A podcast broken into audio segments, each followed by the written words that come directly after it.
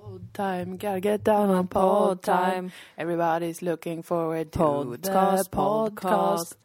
Wow. Det var en jättebra soundcheck. Ja, det var det.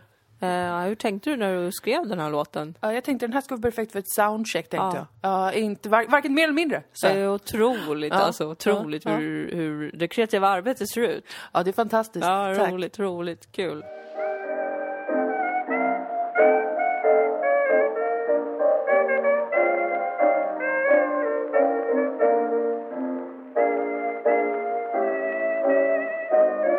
Välkomna till Dilan och Moas podcast. Vi rullar igång poddtåget och Ja. åker iväg. Vart är vi på väg? Ja, du hör Och rätt. Det är Dilan och Moa från På spåret. Content, content, content, content. Kan det bli mer content? Nej, På åtta poäng, ångest. på sex poäng. Eh, Stjärnorna. Stjärnorna. Jag är lite skakad av vad jag läst på Twitter. Ja, du är det. Ja. Man kan säga som så att eh, i processen av att retweeta allt beröm som någonsin har skrivits om vår serie, vilket är ett projekt som jag personligen som twittrare har tagit mig an. För idag när vi spelar in är det prick två veckor till Sodom försvinner från SVT Play. Ja. Kanske för alltid. Ja. Beroende på hur mycket ni pressar SVT. Ja.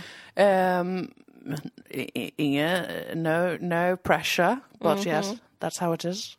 Men därför så har jag gått in för att se allt beröm som någonsin har skrivits och börjat retweeta det. Jag har varit stark motståndare jag mot det. blir lite skakad av det för att jag tycker inte Dilan och Moa är en bra serie. Alltså jag tycker att den är fruktansvärt... Varför, varför spelar de alltså, sig själva? Eller liksom, förstår du vad jag menar? Jag tycker det är otydligt. Och det var det här som hände idag, att du såg de här berömmen och Ja, du, du kände dig skakad ja. för du håller ju helt enkelt inte Och du med om vet, jag dem. drabbas av sån enorm liksom, alltså ångest. Det är som att en, en stor klo handgriper tag om min solarplexus och bara drar rätt ner i skärselden. Och det är inte skönt, är det inte? Nej men det är inte det. Nej. Nej, men vi kan väl säga så mycket som att under den processen av att läsa allt som någonsin har skrivits om oss, Ja, överväldigande positivt som man säger. absolut. Sen finns det också det som inte är det. Och det blir man alltid lite ruckad i sina skor Man blir av. lite, man blir lite ruckad utav Vi det. ska aldrig glömma gången en kille skrev att, eh, han, eh, att det värsta han någonsin läst var att vår serie skulle vara lik It's Always Sunny in Philadelphia och jag pågick i nästan ett helt dygn med Ja. ett fruktansvärt krig utan motkämpe för han la sig bara. Ja, precis. Eh, eftersom att jag blev så fruktansvärt kränkt över Ja. att någon kunde, kunde säga att vi inte har några likheter med Sunny. Nej. Nej. Eftersom att det är min, min och din mest stora, din, mest absolut. Mm. min, men lite din också, inspiration i eh, sitcom-världen. Jag har ju inte diagnosen IASIP, ADHD. Nej, det har ju jag. Men det har du. Jag fick ju den tidigt, alltså som Alltså, 19-åring. Ja, fantastiskt spännande att du har levt så länge med den. Det är jättefascinerande. Nej, men så att man kan, man kan bli lite ruckad Man på. blir lite skakad ibland. Av webben. Otroligt känslig. Mm. Men det är ju jag också just nu, det har vi ju Ja. pratat om idag. Ja, det har vi pratat om nästan hela dagen. Ja. Att det är en känslig, känslig tid. Ja, känslig tid. Oj, hudlös man är. Men då säger jag som en eh, god vän till mig sa att eh, alla normala människor har en kris nu. Ja. Eh, för att? Nej, alla coola människor har en kris nu, sa Mm. faktiskt. Då Nice. blev jag väldigt smickrad. Betryggande. Mm, väldigt betryggande. Nej, men det är inte normalt. Livet, nej. Nej. Pandemin, kosmos. Alltså det är så konstigt att vi lever i den här pandemin. Alltså det, Mm. jag undrar om liksom, är det alltid så här när det är en kris? Att man liksom vet att det är en kris, men också att man fortsätter leva. Ja, att man liksom ändå har... Precis, man har ändå en vardag ju. Nidbilden av en kris för mig är ju att man sitter i en bunker och huttrar. Det är också min nidbild. Dag Eller att man är ute liksom på vandring med en enorm ryggsäck, Ja. alltså på flykt. Men det är, och det är ju Man såklart en... äter inte, man går inte på toaletten, man pratar inte med någon Nej. i den här nidbilden jag har. Nej, samma i min. Där är det bara liksom ond bråd död i princip. Eh, och man vet inte vart man ska ta vägen eller om något någonsin kommer bli bra igen. Men det är kanske liksom nästa nivå av kris. Vi befinner oss ju mer i en liksom low key, puttrande slags kris i samhället. Ja, Av att vi har behövt förändra jätte- jättemycket saker och vi vet inte när det kan bli som vanligt igen, eller om det någonsin kan bli det igen. nej. Men vi har ju kvar vårt hem, vi har pengar till mat och vissa nöjen. Ja. Så som streamingtjänsterna. och liknande Det va. viktigaste som finns i livet. Ja. eh, Behovstrappan är ju tillgodosedd. Ja, alltså. hus och hem, mat Ja, och streamingtjänster. streamingtjänster, alltså. Allt det här har vi råd med fortfarande. Ja, i både ljud och bild. Ja, då. Ja. Både podcast och Ja, tv visst och vet du. Och Spotify prenumererar man ju på. Jag klarar inte av reklam. Nej, nej, då får man ha golden eller vad det Ja, det får man ha. Precis, ja precis. Ja, men det är väldigt eh, märkligt, men en trevlig erfarenhet naturligtvis att ha levt igenom en kris, en global pandemi. Ja, just att det är globalt är ju väldigt svårt att Mm. ta in på ett sätt. För det brukar alltid vara att man tänker att det är större. Men sen är det bara i Sverige kanske, eller bara i ens Mm, egen stad eller någonting. Ja, men du vet. Att det alltid brukar vara så att det är mindre än man tror. Mm. Men nu är allting större än man tror. Lite konstig stil. Mm, lite märkligt av tillvaron Ja, det är att det. bjuda på. Det är det. Ursäkta mig. Nej, men det är okej. Det är helt okej. Rapa på du. Ja, jag har... Um, det trycker. Du har lite gravidmage. Mm.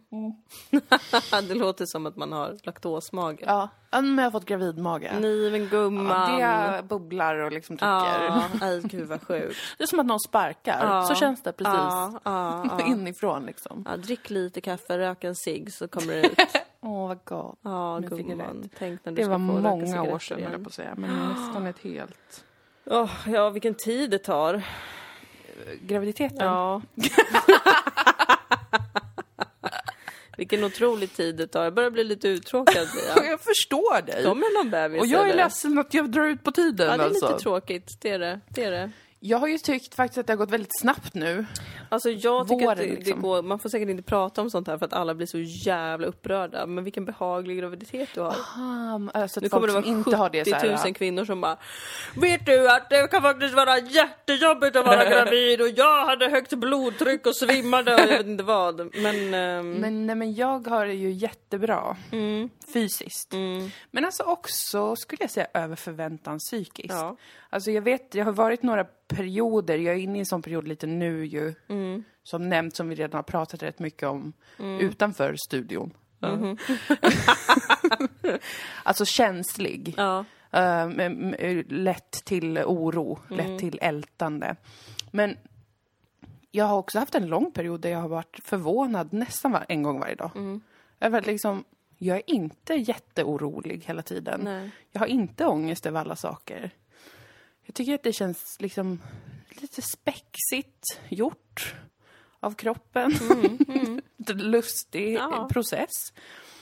Alltså så att, eh, över förväntan psykiskt. Och jag hade ingen särskild förväntan fysiskt. Mer än att jag var rädd för att bli extremt, extremt tjock. ja. det var ju den stora skräcken Det var ju det. inför en situation där man absolut blir extremt tjock. Ja. Och alltså, men det, det har som släppt Mm. ganska mycket. Jag känner det är lugnt. Ja. Jag känner mig inte så tung, jag känner jag kan röra på mig, jag har inte ont någonstans.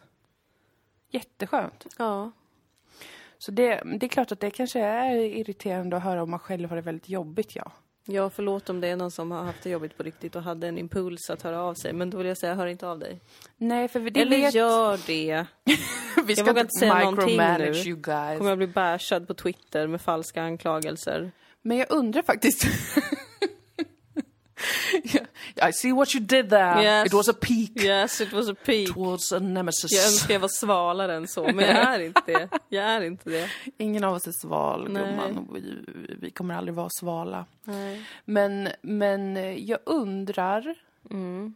eh, varför det är... Det är ju verkligen så här nu med graviditetsgrejer. Mhm. Att det är så otro... Det är en väldigt stark känsla av att det är väldigt individuellt. För det är ju Ja. det på ett sätt, för det händer i ens egna kropp. Det är ju väldigt Ja. så här äh, kötsligt i en själv. Men det är ju en... Något som många ofta säger, men det känns inte som det finns någon connection. Alltså det är en kollektiv upplevelse i det att, du vet, det här, kvinnor har gjort det här i alla tider, oavsett vad man tycker om det. Man kanske tycker, ja, de har haft det hemskt i alla tider. Eller så tänker man att det betyder, ja, de kan, vi kan, biologiska kvinnor kan föda barn. Wha- Whatever. Så oavsett så, det är ju en utsago som är, det här är en kollektiv upplevelse för de som gö- går igenom detta. Oavsett hur den upplevelsen blir så är den, finns det gemensamma saker i den. Men det känns som att det pågår ett, liksom ett krig. Att det är en krigisk stämning där människor liksom eh, väldigt individualistiska. Där det är så här, det är min graviditet, det är mina upplevelser. Ja. Om någonting går emot dem Ja. så måste jag bes- säga bestämt att det där är inte sant, för min grej är sann. Ja, I en situation där det angår ju oss alla som, som går igenom detta någon gång. Det är en, en kollektiv Men det är sak. ju som alla som är så här, åh jag såg ett sånt här klipp. Eh, ett skämtklipp på nätet typ, där någon, eh, vad, ska man, vad ska man säga? Någonting som inte är exakt det det var. Så att jag inte gör bort mig igen här nu, för att uppenbarligen kan jag inte prata om saker utan att få skit! så jävla osval. Tycker till och med jag att det gick lite långt. Så otroligt osvar. Ja men typ, tittar, eh, compilation video folk som cyklar, men jag kan inte cykla. Då tycker jag att det är jobbigt att de gör så här. Ska man verkligen få göra så? Alltså på riktigt har jag sett sånt, fast det kanske har handlat mer om kroppen och olika saker. Men där jag kände bara så här, varför är det så här hela tiden?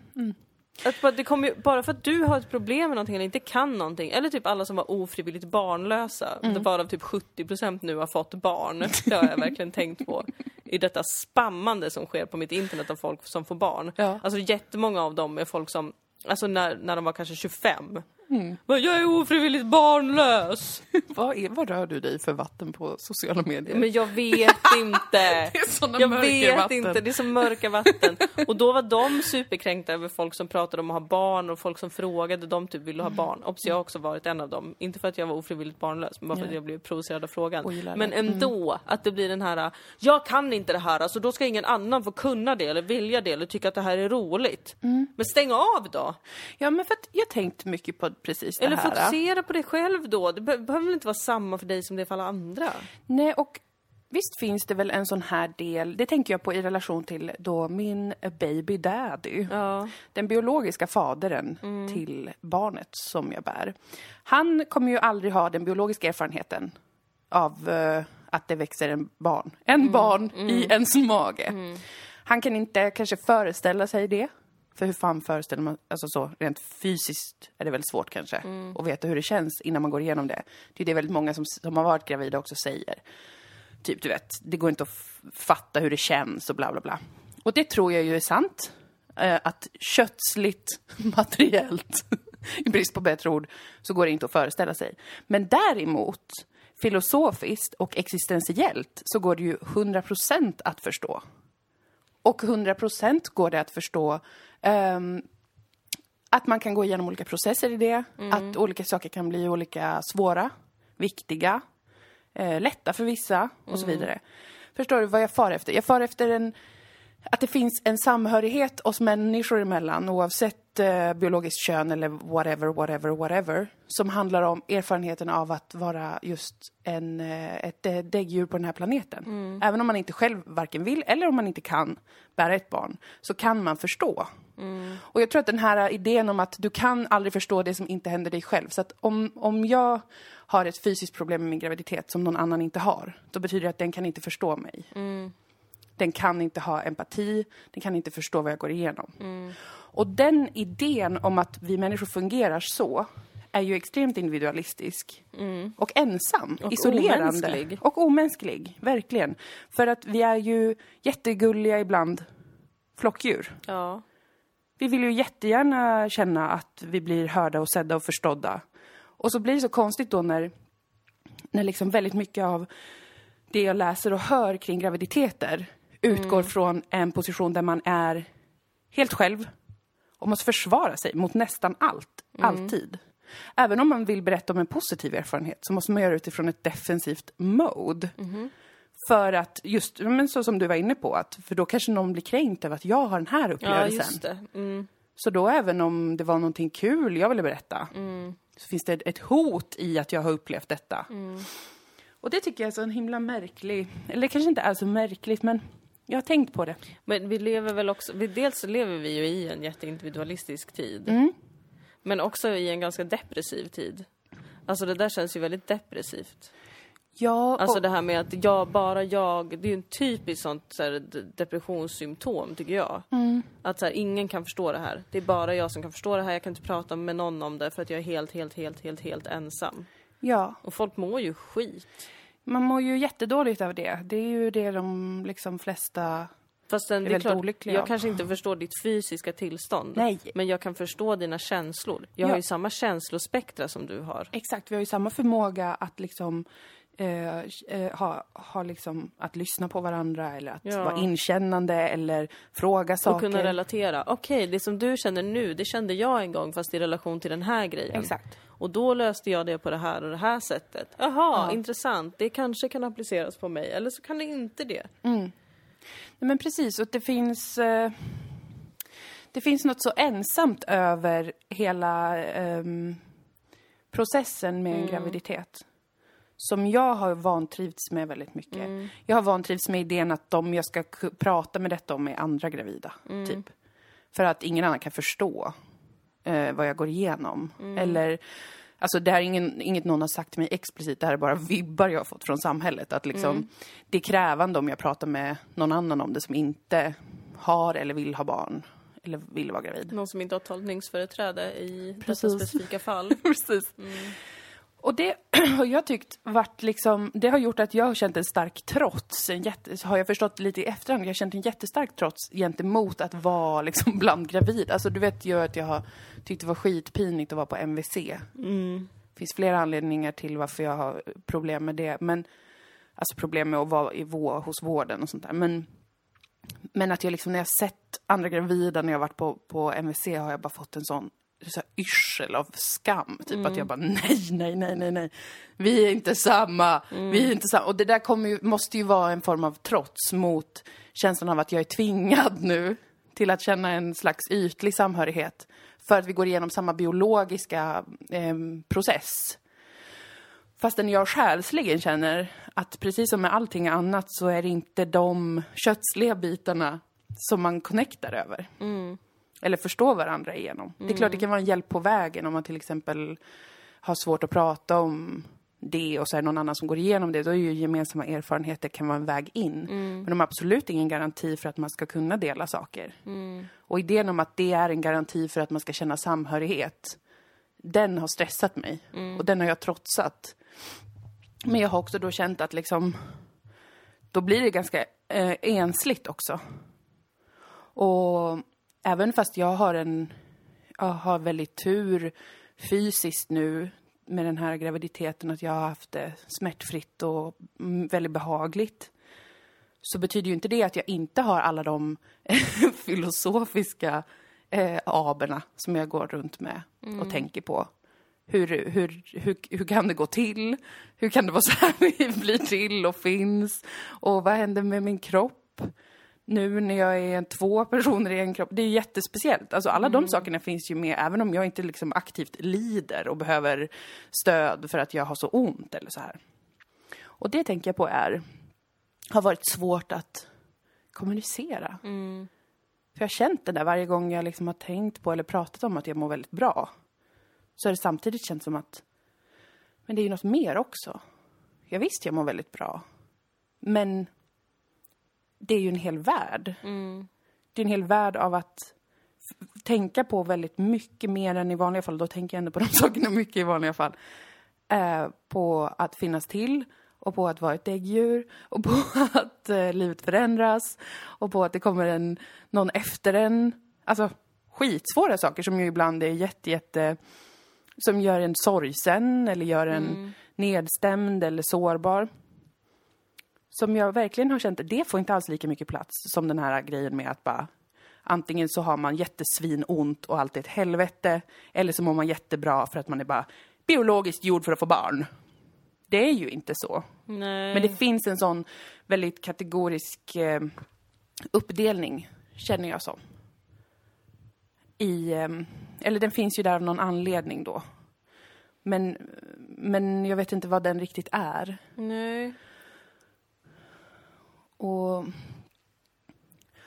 det som kommer till mig som en tanke är ju att den finns där för att det är två olika sätt att inte ta plats med de andra sakerna. Med Alltså- de filosofiska bitarna av det. Ja, själsliga. De som handlar om hur vi är Ja, för det känner jag. djupare. Alltså, det är så mycket nu. Alltså jag känner ju att det här med bebisar och allt är en enorm industri. Eh, som äcklar mig. Mm, mig med. Ehm, och ni vet ni som lyssnar att det betyder inte att jag är äcklad av att Moa är gravid. Nej, jag kan intyga. Utan jag är bara äcklad av eh, verkligen den här vidriga, vidriga eh, hjärntvätten och industrin.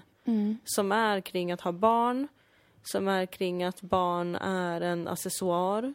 Eh, som är kring att influencers använder sina barn eh, för att få mer tittare. Eh, att vi exploaterar folks graviditeter på det sättet som vi gör. Men jag blir också förvånad att när det är så mycket kring det, att inte någonstans finns de bitarna med. Nej, visst. Sen kanske jag inte Väldigt- har grävt tillräckligt djupt. Alltså jag kanske borde ha kollat på typ Kinsas jävla vlogg eller något. Då kanske hon tar upp det.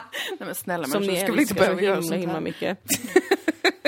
Eh, men jag, jag känner inte som att jag, jag, jag... Även fast jag inte letar efter det så får jag ändå så mycket tillgång till allt det här. Mm. Med folks graviditeter och barn. Men i, av någon anledning får jag inte tillgång till det här som är samtalen kring vad är det här för något vi gör? Mm. Vad är, det för, vad är det för något vi gör med våra kroppar? Vad är det vi gör mm, existentiellt? Mm. Vad är det vi för in i världen? Hur känns det? Mm.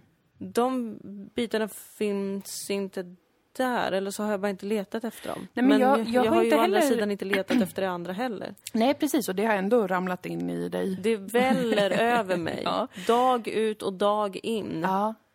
Och jag, jag har också den upplevelsen i det, det som liksom marknadsförs till mig eller syns för mig i mina flöden och allt sånt här. Som är den lilla kopplingen till den yttre världen som jag har.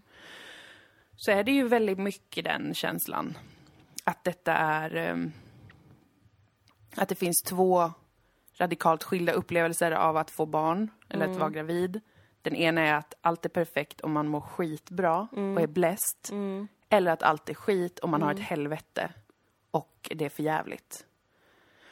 Och ingenstans i något av det där, varken i den här liksom kategorin som har det jävligt svårt och tufft eller i kategorin som har det då, som är medvetna om att de har det bra.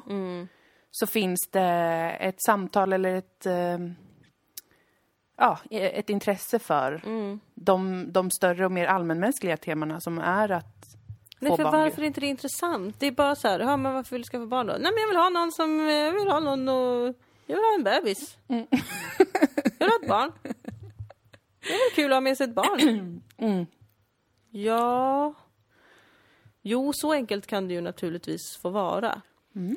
Men varför är det så viktigt att göra det med sin egen kropp? Mm. När det finns barn som behöver föräldrar? Vad är det som händer med en då när man gör det här barnet? Mm. Hur tänker man kring att sätta ett barn till den här världen? Mm. Alltså det är sådana saker som jag också går och funderar på. I min osäkerhet kring att göra barn, för jag vet fortfarande inte om, om jag verkligen vill det. Nej. Ibland vill jag det, ibland vill jag det inte. Mm. Och jag känner som att de samtalen finns inte riktigt någonstans. Det, jag vet inte, det känns som att också så här... För att det har blivit en sån grej och det har blivit en sån hype att... Vet inte, det är som att om du väl blir gravid då ska du bara vara nöjd och glad och, och tacksam för det och hålla käften. Och köra på Mm. Om du inte har barnet. riktigt fruktansvärda problem, Ja, precis. Då, då är det bara det. Då är det, det är antingen så blir du osynliggjord av vården och allt och lider i tystnad. Eller så får du prata om det jättemycket. Men det är bara den grejen. Jag vet inte, det är något jättekonstigt. Jag, jag saknar verkligen också det, det, det existentiella perspektivet av det och att det är konstigt att det försvinner bara för att jag vet inte om det är en sån grej, men det här är kvinnor gjort i alla tider, det är inget konstigt, det är bara att föda barn. Ja, nej det är absolut inget konstigt, det är väl vårt funktionen med våra kroppar, vi som har livmoder. Men kan det inte ändå få vara... Vi, I alla andra avseenden i livet så har vi ju eh, fantasier, rädslor, idéer. Alltså vi människor. Ja, Så varför skulle vi inte ha det här? Ja. Det verkar väldigt märkligt. Och varför skulle man bara kunna ha förståelse eller vara intresserad av det om man går igenom den exakta biologiska processen själv? ja, Det är också det som... Alltså att det är den här som jag har läst vittnesmål varför är allt om. jävla skit runt omkring så intressant? Förlåt. Mm, ja, men-. Jo, men att liksom... Den här... eh, ja, det är nog det är någon form av individualism som jag far efter som jag känner är, är själlös. Ja, men och att folk presterar barn, eller? Jag konsumerar runt det. Alltså det är ju, det är Ja. ju en del i en individualistisk och kapitalistisk ekonomi. Ja. Där vi är konsumenter. Och även en familj är en konsument. Eh, och ett varumärke. Ja. Vi är familjen Crazy Bonkers, vi köper det här och det här. Ah, ja, okej. Det är det är liksom en jättestor marknad såklart. Ja. Det är bara det att den slår ut så mycket annat, i alla fall på de plattformarna som jag tror att vi båda tänker på, som är typ Instagram och kanske Facebook. Streaming. Streaming, just det, alla såna Ja, alla olika knasiga serier. knasfamiljen på semester i Ja. skärgården-serier. Ja, för att det gör ju också familjen ointressant på ett sätt som jag inte tycker att den ska vara. Alltså jag tycker att det, det är verkligen en sak som jag tänker på i relation till att skaffa barn. Typ, vill jag utöka min familj? Mm. Vill jag, vill jag, kan jag vara med typ så här förlänga det här familjeträdet? Och varför? Mm. Varför vill man det? Mm. Varför gör man det? På vilket sätt? Hur skulle det kännas? Handlar det om mig då eller handlar det om någonting annat? Alla de sakerna, det pratas inte heller om. Alltså jag menar inte att det måste vara en stor debatt. Jag menar bara att tänker inte folk på det här? Tror att många gör det, men... För men... att de pratar ju inte om det, de som är så jävla synliga med sina jävla ungar och gravidmagar. Nej, jag vet. Det... Och det som, det som jag är mest alltså, mm, orolig över, eller vad man ska säga, det är inte för att jag är altruist utan egoist. Jag är orolig för min egen del och för alla kvinnor som jag älskar. Eh, är ju att man blir ensam. Det är alltid det som stressar mig. Alltså att, eh, som sagt, det, det går emot så mycket. Att ha sig själv och liksom sitt barnafödande eller hela den processen som ett projekt eller som en eh, där man pysslar, jobbar väldigt mycket med bilden utåt av det är ju ett ganska isolerande projekt, tror jag. Ja, och det blir också om man har svårt, alltså jag upplever många kvinnor som har svårt att få barn, att de också blir helt isolerade i den kampen för att få barn. Ja, För det tar över hela deras värld känns det som. ja. För att det blir, och det blir så jävla mycket som hänger på det. Och det stressar ihjäl mig. Det är Alltså, smärtsamt att se är för det- man ser liksom smärtan lyser ju om det. Ja, varför är det det enda, alltså, varför är det liksom, har vi inte kommit längre känner jag också på något sätt. det jag tror... Mm, jag tror att det är... eh, Är det det ultimata kvittot? För jag kan bli rädd för det ibland att typ, om jag väljer att inte skaffa barn, Mm, är, är jag då misslyckad? mm. För att det verkar vara den ultimata bossen, eller så det ultimata typ Så blir du en kvinna, så blir du en vuxen kvinna, då har du verkligen landat Nu vet jag ju att jätterekordmånga kvinnor inte skaffar barn, alltså i vår kultur Så att det är ju inte så att Det finns en sån press egentligen, men det är mer Är det verkligen så? Ja, det, det känner jag mig ganska Är säker det inte på bara att man får det mycket, vad heter det, senare? Nej, eller eh, alltså jag har hört siffror om det här men det var faktiskt i USA tror jag. Ja, okej. Alltså Ja, i vanliga fall, det, det understiger aldrig, antalet kvinnor som inte föder barn understiger aldrig 10 procent. I okej. någon kultur. Okej. Men då pratade de om USA, där var det att typ 50 procent av de fertila kvinnorna inte ska få barn och det är rekordmycket. Jaha, okej. Jag tror att det är ganska mycket i Sverige också. Mm. Jag tror att det är rätt gemensamt i väst. Mm. Men jag vet Men inte. oavsett, vi kan ju i alla fall konstatera att en majoritet ändå skaffar barn. Ja, Mm. det kan vi väl konstatera. Jag menar, det är det man oftast förhåller sig till. När man Mm. känner att alla gör någonting, då är det oftast för att det är en majoritet. Inte för att Ja, det är nog en gör det. Men, Men det är nog väldigt många som inte gör det. Men, men de ser man ju heller kanske inte lika mycket av eftersom att de inte är så lönsamma just nu. Det som är lönsamt det är ju ta en liten gravidmage och Ja, visst. Och- Men alltså något som kommer till mig hela hennes Förlåt att jag börjar fjäsäng. prata som en klärvoajant och hela tiden säga att olika saker kommer till mig. Jag saknar när du pratade om olika teorier. Men Ja, det här är, det här Det här är next också level spännande. shit. Ja. Nu rör jag mig mer mot det Nu får jag något, ockulta. nu får jag något. Nu kommer något till mig, nu kommer något till mig. Jag ser bara ordet alltså. Jag Så ser måste du bara ha en ordet. jätteläskig röst sen för att det är någon, något spöke som tar över dig. Little Timmy wants Little to Timmy is tell a you. child who wants to speak for his mother. She was very unhappy. And that is also something that can happen to a woman. She gets the child and she's sad. Nej, men det jag tänkte på var ensamhet. Att är det inte jättecentralt i allt detta? I vare sig du skaffar barn eller inte skaffar barn. Så äh, bär vi ju, tror jag, Ja. på en stark skräck för ensamhet. Att vara ensamma, isolerade, övergivna på något sätt. Många tror jag tänker i sitt stilla sinne att ett barn, alltså inte verbaliserat så, men att ens undermedvetna eh, har räknat ut för länge sedan att en egen biologisk familj kan aldrig lämna dig. eh, sen är ju inte det helt sant. Nej men för att inte. jag tror ju att det här kanske är ett taskigt, men jag tror jag har sagt det förut. Jag är övertygad om att alla olika influencers är superensamma. Ja, man får ju ofta den känslan lite. För man Ja. tar del av en ganska begränsad del av deras liv såklart. Ja, såklart. Och, Och en ganska kalkylerad. jag är ganska hård mot dem. Mm, det tycker jag man får vara, för att det är som man måste vara mot typ... Man måste ändå förhålla sig kritiskt, tänker jag. Det är Ja. rimligt.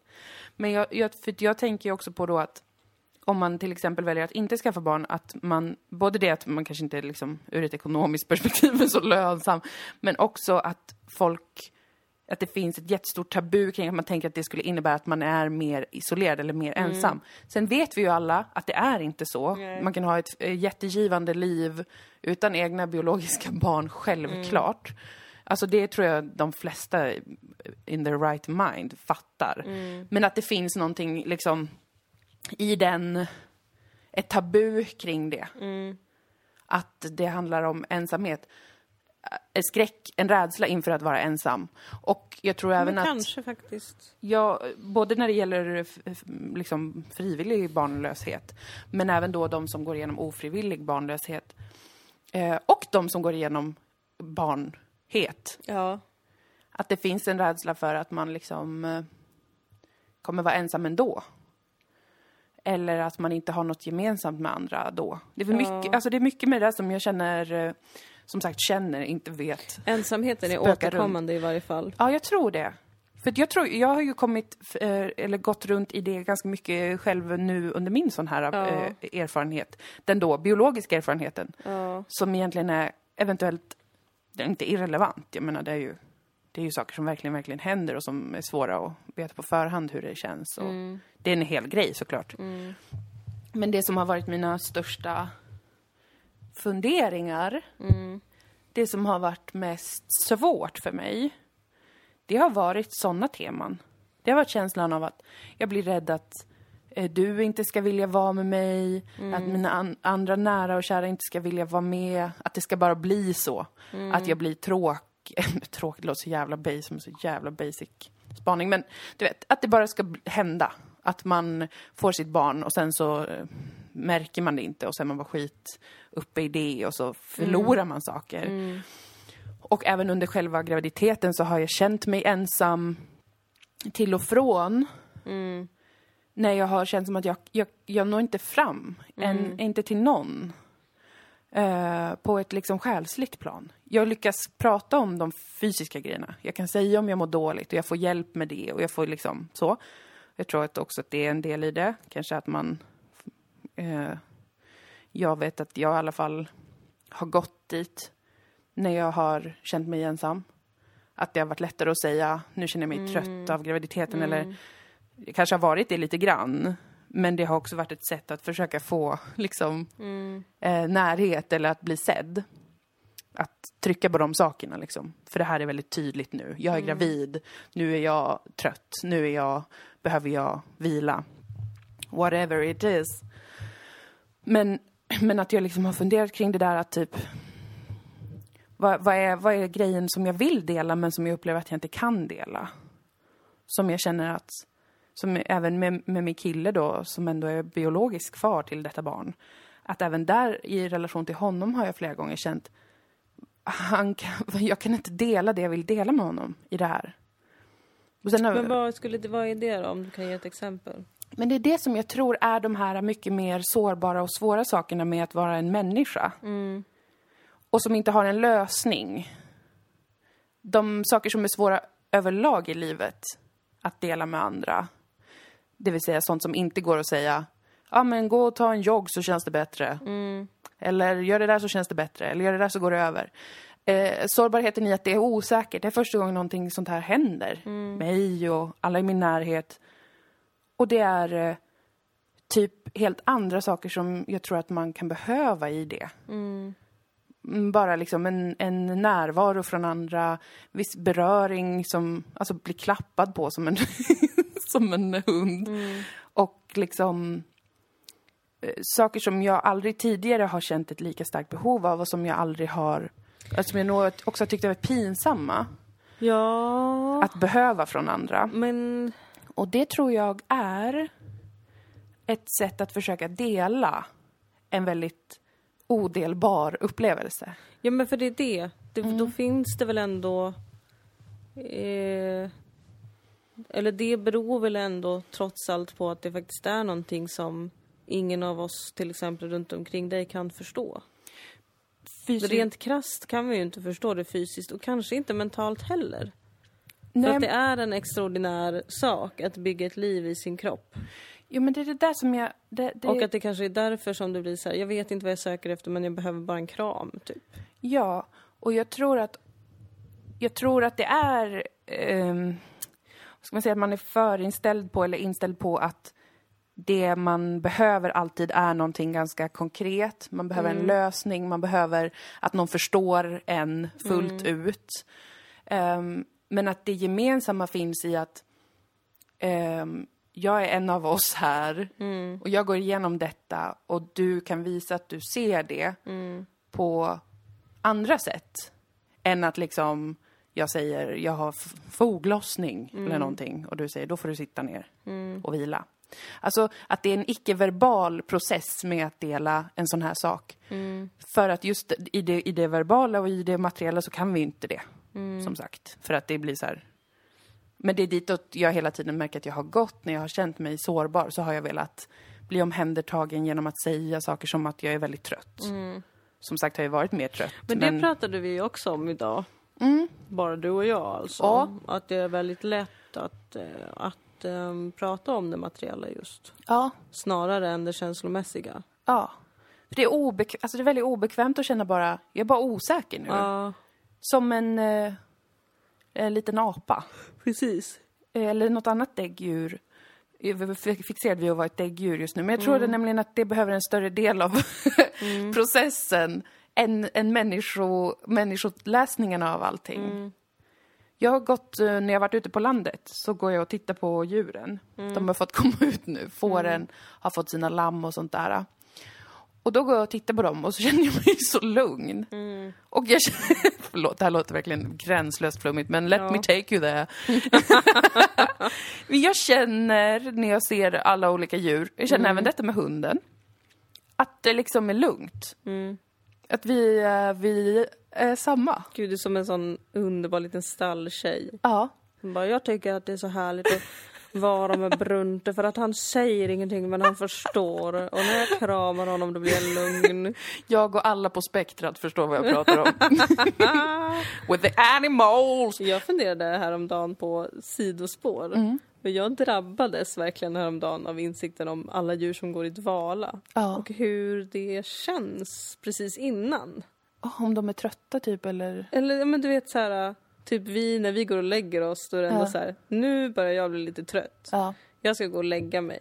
Då ska jag borsta tänderna, jag ska byta om till pyjamas, Ja. jag ska släcka lamporna, jag går och lägger mig. Ja.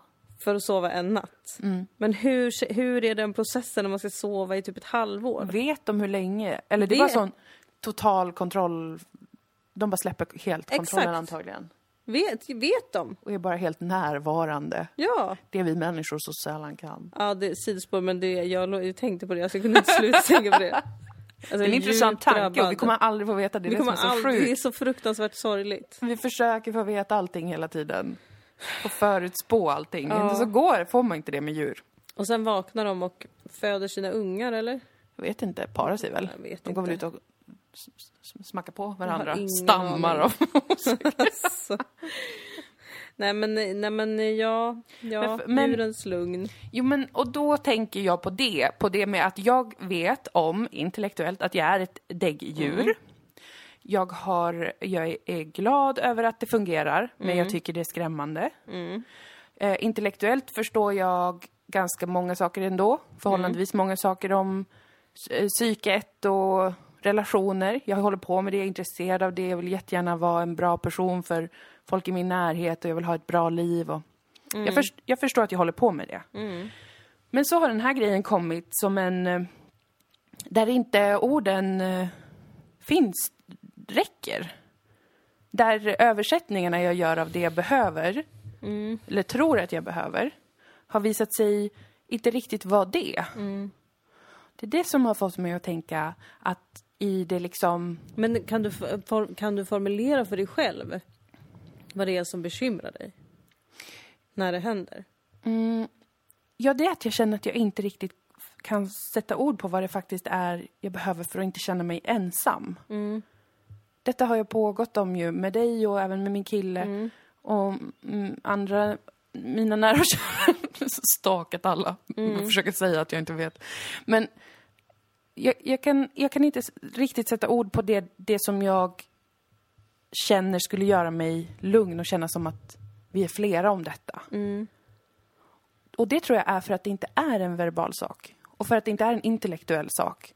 Utan för att det är en, en mer själslig process och en process som handlar om att vara närvarande och ta plats i varandras liv. Och att kunna bjuda in till att eh, du är ju inte gravid nu och du vet inte om du vill ha barn. Och det är helt irrelevant. För du har en plats här. Oavsett vad du sen gör eller känner inför din egen fertilitet eller what not. Så är detta som jag går igenom också ditt. Och samma med min kille. Han kommer aldrig vara gravid. eller gå igenom det. Han kan aldrig förstå det på det sättet. Men det är hans process också. Fastän den pågår i, min, i mitt kött. Och det är ju en jävla flummig sak att försöka... Här, det, det är inte alls lika tydligt som du vet när man behöver säga jag behöver att vi kommunicerar tydligare, jag behöver att du säger detta till mig på det här sättet så att jag förstår och sådär. Allt det behövs ju också. Men det här är något mer taktilt. Det är något mer, eh, mer med själen än vad det är med huvudet.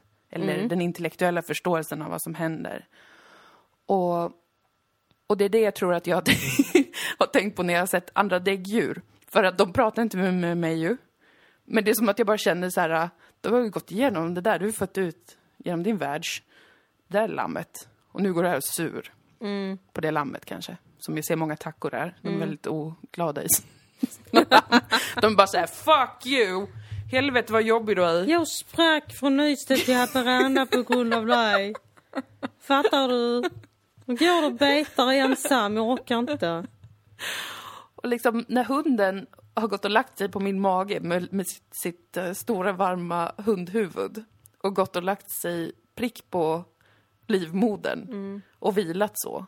Så har jag känt en sån himla, himla... Och det kan verkligen bara vara en så en mänsklig tolkning av situationen, givetvis. Hon kanske bara har börjat med det utan att det finns någon som helst koppling till graviditeten. Jag tror inte det, men det kan det vara.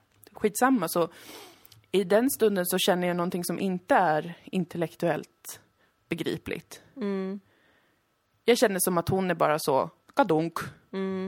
Här har vi något. Nu ska du vila. En sån självklar plats, som ett djur bland djur, känner jag mig då. Och eh, jag tror att ibland så är det verkligen det man behöver allra mest i processer som är stora och förvirrande, födsel och död, eller sjukdomar. Att man vill vara ett djur bland djur. Men då blir det ju ändå egentligen mer materiellt på ett sätt. För att det blir en... Det, det, som, det som ibland krävs är bara en fysisk närvaro. Och att man tänker att det är materiellt fast det egentligen är superverbalt. Alltså materiellt, jag menar om du känner en, en ensamhet eller osäkerhet och du knyter det till någonting materiellt. Jag är trött, jag är hungrig, jag har ont, jag behöver det här. Så är det ändå bara verbalt. Det är ändå Ja. bara prat. Ja. Fastän det du behöver är det fysiska materiella, en kram. En närvaro. Mm. Ja, Så kan man ju förstå det, precis. Att det bara är att de saker som, som man oftast formulerar handlar om jaget väldigt mycket mer. Så jag eh, vill detta eller jag vill inte det här eller istället för eh, jag behöver dig nu. Jag behöver bara att du är här. Precis, jag Eller behöver bara- din uppmärksamhet Ja. och din hand på min axel. Ja. Din hand i stormen. Ja, behöver- precis. Precis. Ja, Ja, för ofta pratar vi för mycket om saker, känner jag. jag har faktiskt också börjat känna det. Ja, men det är ju samma är utmaning som, också. som eh, vi båda har i improvisationsteatern, tycker jag är intressant. Ja, det är sant. Att eh, det är väldigt lätt att bara prata sig genom en scen Ja. och inte våga lita på sin kropp Mm. och sina rörelser. Och att man kan bygga ett rum eller bygga en situation med bara att röra sig. Precis. Utan då blir det blablabla och allting måste hända så snabbt och nu ska vi reda ut det här och nu ska vi prata och berätta och lalalala. Mm. Ja, Alltså visst. en roligare scen ibland blir att man kanske är helt tyst och bara Ja. går och tittar jättekonstigt på varandra. Ja, visst. Nej, men det är faktiskt, där har vi samma, eh, haft, eh, har- samma mönster som blir väldigt tydligt i impron. Och jag vet också att både du och jag har ju, det är ju gemensamma vänner, men liksom vi har vänner som är mycket mer den typen av taktil person. Du vet, som har en beröring eller närvaro som gör att man direkt känner sig så här, oj, och man vill gärna förstå, men det är liksom inte så mycket egentligen att förstå mer än att den är väldigt här. den är väldigt här. Och den är väldigt liksom tydlig i sin eh, kommunikation, alltså inte då verbala kommunikation. Och att det är väldigt svårt att tänka sig att det är någonting man kan kultivera. För man, Jag tänker nog att det är, så här, det är så man antingen är eller inte är. Och till viss del är det nog kanske så. Lite personlighetstyp. Jag menar, jag kommer alltid babbla jätte- jättemycket tror jag. För jag tycker också det är svinkul och intressant och sådär.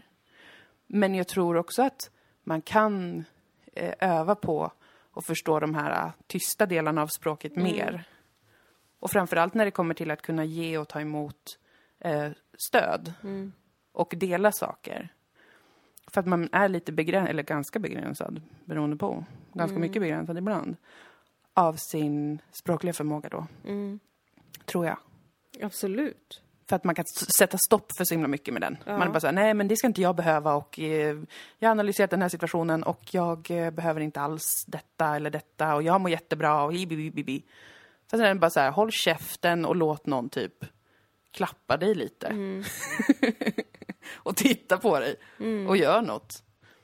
Så. Cool. Ja men det är ju superläskigt ibland. Gud ja. Alltså Gud, ja. jag kommer ihåg när eh, jag har en, en vän som alltid ehm, Han brukar alltid, alltså inte läsa bordsbön Han är inte religiös så men han Han har alltid en tyst stund innan han börjar äta Mm. Och det märks väldigt mycket i rummet när han gör det Ja. Jag kommer ihåg när jag lärde känna honom att jag så här, jag ska bara vräka i mig mat och så märker jag att liksom han sitter och är helt tyst och bara blundar och liksom Mm. ta, utövar tacksamhet och Mm. eh, hittar ett lugn. Och jag minns att jag blev så stressad av det först. Ja. Men att jag nu, många år senare, så kan jag verkligen se syftet med det. Att liksom bara så här, vänta, stanna, paus, känna in, andas, okej. Jag gör inte det själv tyvärr, men eh, jag försöker göra det ibland. Men, eh, men jag tror att det är med allt sånt när man stannar upp och är verkligen bara känner in ett rum kan ju vara jätteobehagligt också. Verkligen. Om man inte är van, eller framförallt som du är inne på, om man inte har övat på det, om man inte har gett sig själv den lilla presenten. Nej.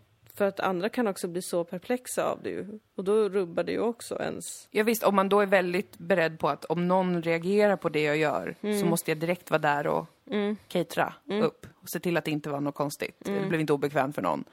Så, så hinner man ju aldrig vara i det spacet bland andra människor. Nej. För det kräver också en viss pondus i att nu behöver jag sakta ner. Ja. Eller nu har jag ett behov av att inte prata. Och typ, nu måste jag bara få vara i min fysiska kropp. Ja, För att Och- snart ska min fysiska kropp ta i, stoppa i sig fysisk mat och den Ja. kommer jobba typ. Alltså, jag vill bara ha en liten, precis, lite spätje. ja.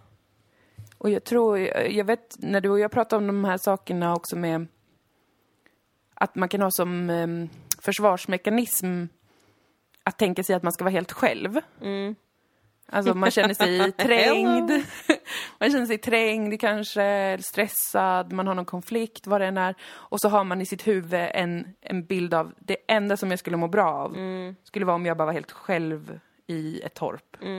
För mig har det alltid varit någon sån västerbottnisk konstig fetischering, fetischisering. Att så här, jag ska dra till ett torp i skogen. Och då, som vi pratade om idag, så tänker jag att det kanske är för att man ackumulerar alla de gånger man inte kan ta sitt eget space bland andra. Och kräva det spacet bland andra. Byggs upp på hög. Till en, eh, sen bara en total känsla av att jag måste bort från allt. För annars så kan jag inte få vara i det där. Jag kan inte få vara tyst eller eh, bara för mig själv bland andra människor. Ja. Och då måste jag bort från dem. Även de man älskar allra mest. Inte minst dem. Inte minst dem, verkligen. Kanske primärt dem. Som man börjar tänka så med. Eller man får den liksom eh, reaktionen kanske när man är trängd. Man känner jag har varit uppe i vad alla gör, vad alla tänker, hur saker ska bli bra, hur vi ska göra med det ena och med det fjärde. Men jag vill bara dra. Att det är för, ett försvar och kanske en signal om att ah, det är något som är viktigt för mig här. Som är kanske att få ha ett att få, få faktiskt claima ett, ett utrymme bland, bland mina nära och kära. Av att typ, nu är, nu är jag här och jag har ingen lust att prata och det är inte att jag är arg. Eller bara nu är jag här och jag känner mig lite osäker och ledsen idag. Men det är ingenting som behöver lösas. Kan jag få vara bland er? Trots det. Det skulle man såklart få ett ja på. Det, alltså, jag menar, om man lever med fruktansvärda människor kanske den bara, nej. nej, det får du inte. Dansa för mig. Dansa och var glad kvinna! Snälla rara någon, vad hade så yppiga bröst för om de inte ska dansa för mig. Men vi har det Så inte är så. min omgivning väldigt mycket. Ja. Så är ju jag om jag får en vibb. Men jag är ju typ det. Alltså det är ju jättehemskt. Jag är ju jätte, mm, jättedålig på det där. Alltså att ge det. För att jag tror att det är mitt fel allting. Om, någon är på, om någon är ledsen, om du är ledsen eller på ett annat humör än, än jättepeppad. Så jag direkt bara, vad har jag gjort? Och jag har ju ganska ofta olika humör känner jag. Alltså det är väldigt ofta som jag bara går runt och är typ tyst och butter. Och jag bara, I did something! What did I do? Mamma. Det är så fruktansvärt för jag vet att du lider av det men jag, jag har anpassat det. Nej men och att det är ju en sån sak som jag behöver träna på och du behöver träna på. Man behöver träna på både att ta det utrymmet och att ge det utrymmet tror jag. Ja, och att eh, kanske ge en heads up. Ibland. Precis, lite så här nu, Jag är lite butter nu. det är här jag är. Ja. Och, och precis, där kan man ju ändå ha verkligen språket som hjälp. ja, visst. Men man behöver inte alltid tänka att sättet vi kan dela den här dåliga dagen på är att antingen analysera allting med det och få det att kännas som att det är jättestort. Ja. Eller att båda blir på dåligt humör. Ja. Utan vi kan ju dela en känsla utan att jag har den.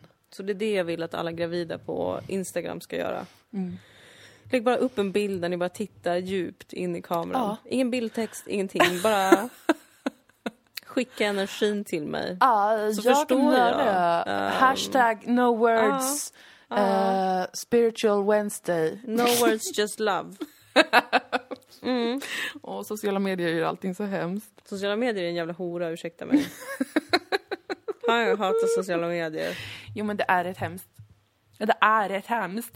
Men jag vill ändå prångt påstå att det här vi har pratat om nu, det är sånt som jag även har upplevt, alltså det är mycket som jag upplevt i relationer. Detta med att svårigheter att dela saker och känna sig ensam i en sån här äh, situation och sådär. Det är inte, det är inte så att säga bara inom citationstecken att jag har typ sett influencers och känt detta. Jaha, nej, nej. nej. Men det förstår kanske alla. Det, är, det är bara jag som tror att influencers är ensamma hela tiden. Usch, Ja. De verkar så otroligt ensamma. Alltså jag blir så ledsen ibland. Man får verkligen den känslan. Åh, sluta vara kompis med ditt barn! Det är också det som jag tycker är så himla konstigt. Alla vill vara kompisar med sina barn. Alltså hade mina föräldrar varit kompisar med mig hade jag typ skjutit dem. Ja, Du är inte deras kompis och det här kan jag säga utan att ha egna barn. ja, det tycker jag. Att jag vet med största säkerhet att det är djupt osunt att vara kompis med sitt barn. Men det kanske är jättehärligt att vara kompis med sitt barn, jag vet inte. Jag tycker bara att det är lite liksom att en 30-åring ska vara bästis med en 3-åring tycker jag känns... Nej men det är skitkonstigt, sluta. Jag håller med.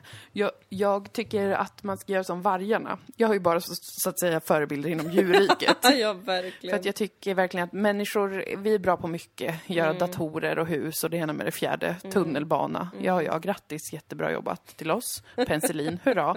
Men, eh, men det är mycket vi är otroligt inkompetenta vad, det- Ja. vad gäller kän, känsloliv, eh, eh, existensen. Därför jag gillar djur mer ofta. Och vargarna, det har jag nog sagt förut, vargarna curlar ju sina barn, sina valpar, jättemycket.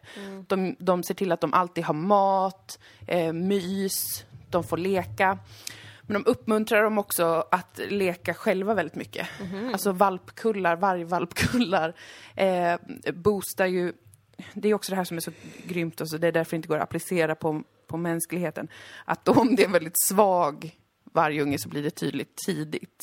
Alltså de ska få upp sitt självförtroende genom ganska burdus lek och genom att ha tillgång till flocken och till mat och allt sånt där för att de ska bli kaxiga. För att de är rovdjur, de måste vara kaxiga för att klara sig. För att om de inte är det så är det större risk att de, blir, att de misslyckas i sitt liv.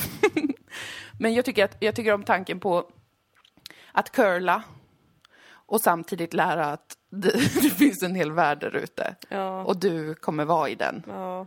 Du måste klara dig. Ja, som en varg eh, flock skulle jag ha gjort. Ja.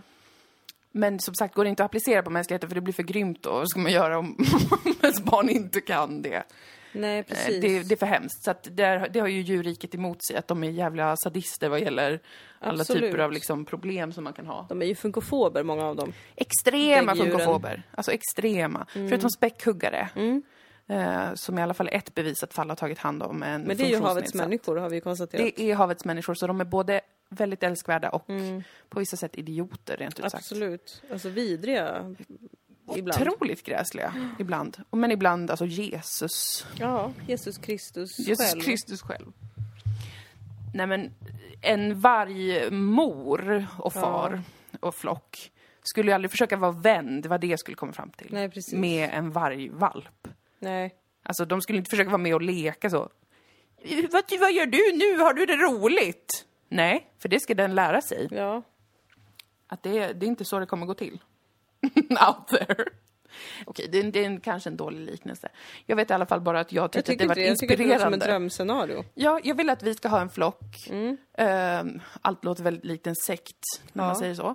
Men våra barn, vi lär dem bra saker och de får vara med varandra, hänga med varandra om du får barn. Annars så får vi ta hit några andra barn. Då hyr vi några ungar. Vi hyr några ungar. De får slåss på gräsmattan. Vi hejar, vi sätter pengar på någon av dem. Ja, så lämnar Ja. vi tillbaka dem när dagen är slut bara. Ja. Och den som slåss bäst, ja det blir alltså syskon nummer ett. vi. Den behåller vi. Så skulle det vara så att ett barn vi har hyrt in besegrar din unge till Ja. exempel, Ja, då vi blir det den, då blir det den. Och så blir det lite tombola va, den får jag tur om den kommer tillbaka. Ja, men det är inget snack om att man ska vara polare med barnen va? Utan vi Nej. ska hålla på ett av dem, eller kanske två då. Och de starkaste, de får vara med i familjen. Ja, precis. Det är bara det jag ville säga alltså, med Ja, men det är liknelsen. någonting med det där.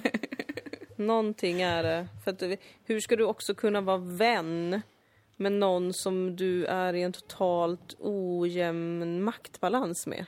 Ja, det är bättre att äga att man är det, tycker jag. Ja. Så tycker jag det nästan är med allt. Alltså fine om man har en härlig relation och man gillar att umgås och man tar hand om varandra och det är god stämning. Det är inte Mm. det. Jag menar inte att jag tycker att man ska vara en galen militär med sina barn. Nej. Men just den här att min, min liksom mardrömsbild av alla de här influencersna är verkligen att de skaffar barn för att de är så horribelt ensamma och bara vill ha någon att leka med. Men du bestämmer ju över den personen.